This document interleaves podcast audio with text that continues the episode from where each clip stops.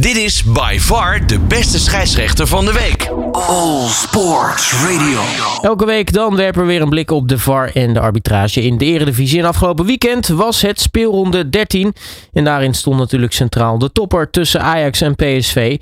En uh, we gaan vragen aan Mario van den Ende wat hem daarin is uh, opgevallen. En natuurlijk wie zich voor deze week mag kronen tot by far de beste scheidsrechter van de week. En Mario, een goedemiddag. Goedemiddag, Robert. Um, ja, allereerst wil ik toch wel even iets, iets anders erin gooien. Ik, ik, dat vond ik zo interessant. Ik denk, uh, hoe werkt dat arbitraal? Maar uh, ik, ik, weet niet, heb je het meegekregen afgelopen weekend uh, de Argentijnse Supercup tussen Boca en Racing? Ja, die, dat de scheidsrechter daar maar tien, gele, tien rode kaarten ja. uitdeelde. Ja, de, ja, die scheidsrechter die gaat ook naar het WK. Dus ja, die zal net zoals als Makkeli niet met een echt prettig gevoel afreizen, denk ik. Ja. Ja, maar wat, wat gebeurt er eigenlijk met zo'n wedstrijd? Want meestal is het na drie rode kaarten is het afgelopen, toch? Uh, voor één club. Nee, nee, nee, nee, nee, nee, nee, nee, nee dat zijn andere regels. Uh, maar het is zo dat er ook hier ook rode kaarten zijn uitgedeeld aan, aan mensen van, de, van de technische staf. Dus het, het is niet alleen met de spelers, hè? Aha. Ja, maar tien rode kaarten. Maar ja, goed, als je, er zaten ook wel heel veel twee keer tweede gele kaarten bij. Want ik heb hier de, de samenvatting van die wedstrijd gezien. Omdat ja, dat natuurlijk dan, uh, ja, dat spreekt wel tot de, mijn verbeelding in ieder geval. Om even te kijken waar die tien rode kaarten allemaal vandaan komen. Maar in zo'n hectische sfeer als daar, dan, ja, dan, ik denk dat hij een RSI-arm heeft gekregen van, van de kaartentrekker. Ja. ja, een typisch Argentijnse wedstrijd, zullen we maar zeggen. Ja, ja, ja die, ik, heb ook vaak gezegd dat uh, uh, als je een, een scheidsrechter goed wil kunnen beoordelen, dan moet je ze een paar keer wedstrijd in, Zuid-Amerika laten fluiten. En dit was dan weer zo'n voorbeeld. Nou, laten we kijken naar de Eredivisie speelronde 13 dus. ja, ik zei het al, de, de, de, de wedstrijd in die speelronde was natuurlijk de topper tussen Ajax en PSV. als we daarmee beginnen, Mario. Danny Makkely gaat natuurlijk naar het WK toe. Um, grote generalen voor hem dus. Um, hoe is het voor hem afgelopen? Ja, ja ik vond het uh, zeer matig.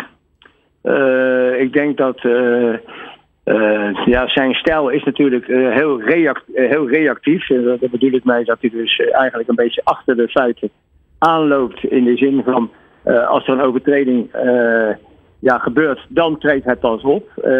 er zit weinig preventieve leidinggeving bij hem in. Dat is dus eigenlijk dat hij het probeert te voorkomen. Het is dus meer deescaleren van situaties dan het voorkomen van situaties. En uh, ja, het eerste opstootje, hoewel opstootje, er waren ook 20 spelers bij betrokken, dus geen idee meer van een opstootje. Maar gewoon van een ordinaire duw en trek en een klappartij noemen. Mm -hmm. daar zag je bijvoorbeeld Alvarez gewoon uh, ja, een paar keer uh, op, op Savi Simons een, uh, een trappende beweging maken. onder de neus van de scheidsrechter. En dan denk ik, ja, als je daar bijvoorbeeld al gelijk fluit en de correcte kaart toont. Ja, dan heb je al kans dat je, dat je de boel in, in, ja, in, in de kiem kan smoren. En dat, dat, dat, ja, dat, dat zie je regelmatig bij hem, dat dat gewoon achterwege blijft. Omdat hij ja, een, andere stijl heeft. En Waardoor hij dus wel vaak dit soort problemen ook zich afroept. Maar ja, goed, dat is gewoon de, de manier van fluiten. En uh, ja, dat, dat, dat is dan wel jammer. Daarnaast is het natuurlijk ook zo dat uh, ja, hij oogst rustig en hij speelt dat hij alles onder controle heeft. Maar ik vind toch ook als je zo'n wedstrijd gewoon zegt bekijkt, dat, dat hij gisteren toch wel heel veel overtredingen mist ook. En dat, ja, dan denk ik voor iemand die straks naar het WK gaat, dan en hij kijkt in de spiegel, dan zal hij, denk ik, over deze wedstrijd uh, onmogelijk tevreden kunnen zijn. Ja, je zei, hij heeft dan al wat dingen gemist. Je, je hebt ongetwijfeld wat voorbeelden ervan. Nou ja, ik, het, het, belangrijkste voorbeeld vind ik dus als je dus, wat ik net al zei, dat, die overtredingen bijvoorbeeld van, ehm, van Alvarez, die, die eigenlijk een beetje het, het, het, het, het lont in het kruidvat staken ja, als je daar gewoon eerder op reageert, dan, dan denk ik dat die wedstrijd uh, toch heel anders kan verlopen. En dan haal je toch de, de giftige angel eruit. En, en, en, dat mis ik gewoon. Ja, verder was er natuurlijk uh, een, een, een VAR-ingreep tijdens die wedstrijd. Een, ja, een penalty dat, die. Dat, ik zei dus al van, hij miste dus, daar wilde ik nu eventjes op aansluiten. Dat ja, Simons die werd dus ja of nee aangetikt. Ehm, goed, hij, hij, de scheidsrechter die stond zelf op een meter of 25. Ik vond het wel, wel vrij, uh, vrij heel ver ervan af. grote afstand. Hij was zeer gedecideerd.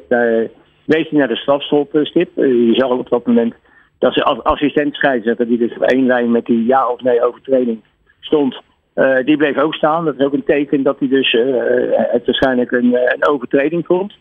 Ja, en uh, daar kwam dus de VAR op de lijn van Boekel. En die, ja, die haalde dit makkelijk in ieder geval naar het scherm. En ja, toen bleek toch wel dat er geen overtreding was gemaakt, maar dat, de, dat de Ajax-verdediger in ieder geval de bal speelde. En ja, dan, dan word je teruggedraaid en dan ik denk dat dat ook in zo'n topduel uh, ja, toch gewoon niet uh, je echt zekerder maakt. Uh, je, je, moet wel, je moet wel heel stevig in je schoenen staan om met zo'n zo'n ingreep in zo'n topwedstrijd waar je weet dat alle ogen op je zijn gericht, om, om ook te blijven. En dan zie je toch op een gegeven moment, wat ik al zei, het, oogt dan allemaal heel rustig. Maar ja, ik, ik zal dan de hartslag wel eens willen zien. Uh, en en, en hoe, de zenuwen door het lichaam gieren. Want dat, dat kan je natuurlijk uiterlijk bij hem niet zien. Maar dat moet ongetwijfeld een rol spelen. Ja, er waren er sowieso tijdens de wedstrijd meerdere opstootjes. Hè? Ook na afloop nog in de catacomben. Is dat iets waar de KNVB nog wat aan, aan doet? Nou ja, dus, als het goed is. Kijk, dit, hier breng je natuurlijk door dit gedrag van, van spelers. breng je natuurlijk het hele betaald voetbal in discrediet. En als de KNVB ja, het met mij eens is dat, dat, dat voetbal in discrediet brengt, ja, dan zullen ze ongetwijfeld een, een onderzoek moeten gaan starten. Ja, en dan, ja, dan, dan zijn er natuurlijk wel een aantal spelers die, die, die dit misschien wel iets van te horen krijgen. Oh, ongetwijfeld. Nou, dat, dat wat betreft dan de, de topper. Er zijn natuurlijk nog, nog meer wedstrijden gespeeld in het, in het weekend. Wat, wat is jou daar opgevallen, Mario? De allereerste Vitesse Sparta, daar was Van Boekel, die dus gisteren bij Ajax PSV de VAR was en die ook als, in Qatar als VAR op gaat treden. wat mij opviel was, ja, in, in, de eerste minuten was er al een gigantische overtreding van de Sparta-speler Pinto op Kozlowski van, van Vitesse. Ja, gewoon een trap. ja, het was in de, in de tweede of derde minuut. En dan heb je vaak nog dat, uh, ja, dat er de overtredingen nog een beetje met de mantel de liefde worden bedekt. Maar ja, kijk, ik denk als, als een Boekel als VAR had opgetreden in Qatar, dat hij ongetwijfeld deze overtreding uh, zelf uh, met een kaart had, had bestraft. Want dit, dit, dit, dit, dit kon gewoon niet. Nou, laten we maar ophouden dat hij niet wakker was. En dat geldt dan hetzelfde voor Kooi. Voor Kooi die als VAR optrad, die, die hier ook niet durfde op te treden ja, uh, met jouw goedkeuren ga ik gelijk even door naar de andere wedstrijden waarin mijn aantal dingen opvielen. Mm -hmm. uh, bij Fortuna Emmen, uh, Bulgari, die leek 0-2 te scoren van Emmen. dat ging niet door, omdat de, de lijstjes werden getrokken door de VAR en toen werd er terecht geen doelpunt toegekend, dus het bleef 0-1. een goede ervaringsgreep, ja, die door de arbitrage gemist werd, maar dat, ja, dan zeg ik dan misschien wel de vangnetfunctie van de VAR hier uh, duidelijk voorbeeld dat het goed was. Uh, bij Excelsior Heerenveen. De, eigenlijk eenzelfde situatie. Dat dacht, uh, Bukiewicz dacht 0-2 te scoren van Heerenveen. Maar ook dat ging niet door, omdat de VAR terecht buitenspel constateerde. Uh, en even voor tijd maakte Excelsior 1-1. Tenminste, dat dachten ze. Uh, moeilijke naam. Driouche, die maakte de 1-1. En toen daar ging wel uh, hensbal aan vooraf van, van Goudmijn. Henschens, eh, de scheidsrechter die zijn tweede wedstrijd sloot op Eredivisie-niveau. Ja, die, die, die, zag het niet.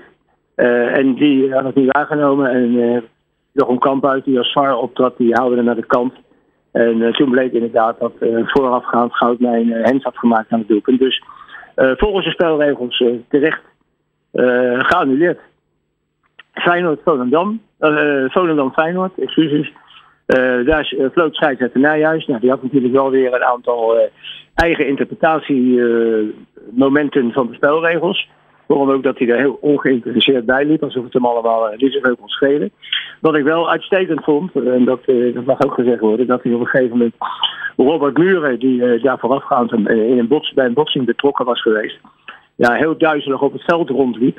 Uh, Nijhuis die ging naar toe, nam hem in bescherming en liet de verzorgers en de dokter weer snel erbij komen. En even later werd dus muren vervangen, omdat er gewoon ja, in het hoofd even niet alles meer zo liep zoals het moet lopen.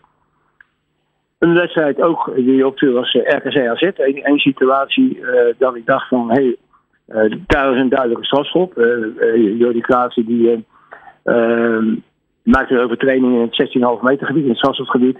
Op Clement hield hem vast, waardoor het in val kwam. Er werd geen strafschop gegeven, dat verbaasde mij. Van de Gerkhoff, de die, uh, ja, die het weg. En de VAR Blank, die gaf ook niet thuis. En ja, die vond het misschien niet een overduidelijke overtreding. Terwijl het voor mij gewoon uh, toch wel een strafschop waard was. En dan de laatste wedstrijd, waar wat opvallende momenten in zaten, was de wedstrijd tussen FC Twente en Go Eagles. Waarbij scheidsrechter Manschoft uh, gewoon twee keer de VAR nodig had om strafschoppen te geven. De, VAR in dit geval was Martins. Die zat in ieder geval in die twee situaties goed op te letten. Eerst een hensbal van Kuipers, de verdediger van Robert Eagles. In het strafschopgebied, dat, ja, die werd gepromoveerd tot, tot strafschop. En in de toegevoegde tijd een overtreding van Everink op Willem John van, van, van Go. Scheidsrechter zag het niet, de VAR gelukkig wel. Uh, en de bal kwam terecht op de stip te liggen. En een, uh, één keer dat het uh, voor mij ook een, een duidelijke strafschop was, was een overtreding van Amova, de verdediger van Goed, op uh, Sean Snijn, die, ja, die, die, die, die, gewoon met een enkel plezier ook van het veld af ging door de, de, trap die hij kreeg. werd over het hoofd gezien door de arbitrage. En ik denk dat Twente ja, toch wel een reden heeft om in ieder geval een beetje boos te zijn dat die strafschop hun werd onthouden. En dat zijn de situaties die ja, die bij deze week uh, of dit weekend zijn opgevallen. Nou, check. Dan uh, gaan we door met het volgende. Wie is de beste scheidsrechter van het seizoen? Dat bekijken we eerst per week. Dit is by far de beste scheidsrechter van de week. Met Mario van den Ende. Ja, Mario, uh, by far de beste scheidsrechter van de week. Wie is dat geworden voor speel 113? Ja, by far moet, dat, dat, dat, moet ik even nuanceren. Maar er zijn in ieder geval wel vier scheidsrechters die nog met een, met een voldoende er vandaan kwamen. En, en dat waren Van der Laan, Nijhuis, Hichler en Van der Graaf. Uh, dus laten we die met z'n vieren uh, maar even de titel uh, onderling laten verdelen deze, deze week. Ja, want het was over het algemeen niet, niet de beste week die we ooit gehad hebben in, ja, in dit item. Gewoon, gewoon heel matig. En kijk, ik, ik probeer dat net ook nog eventjes te onderstrepen met, onderschrijven met, met een aantal voorbeelden. Maar ja, ik, ik kan er op het ogenblik nog niet grotendeels de handen voor op, op elkaar krijgen. Wat ik, wat ik zie op het arbitragebied. En dat vind ik alleen maar jammer. Want ik, ik zeg ook altijd, uh, ja, hoe beter de arbitrage is, hoe beter spelers en de spel zich kunnen ontwikkelen. Nou, dat was in ieder geval voor speelronde 13. Wij spreken jou volgende week weer. En dan hebben we niet alleen speelronde uh, 14, maar dan hebben we ook nog twee inhaalwedstrijden van speelronde 12. Ajax, Vitesse en Feyenoord Cambuur. Dus nou ja, voor 11 wedstrijden plezier Mario, volgende week. Ik kan aan de slag. tot, hey. tot volgende week. Tot volgende week, hoi. Hoi, dag. Dit is by far de beste scheidsrechter van de week. All Sports Radio.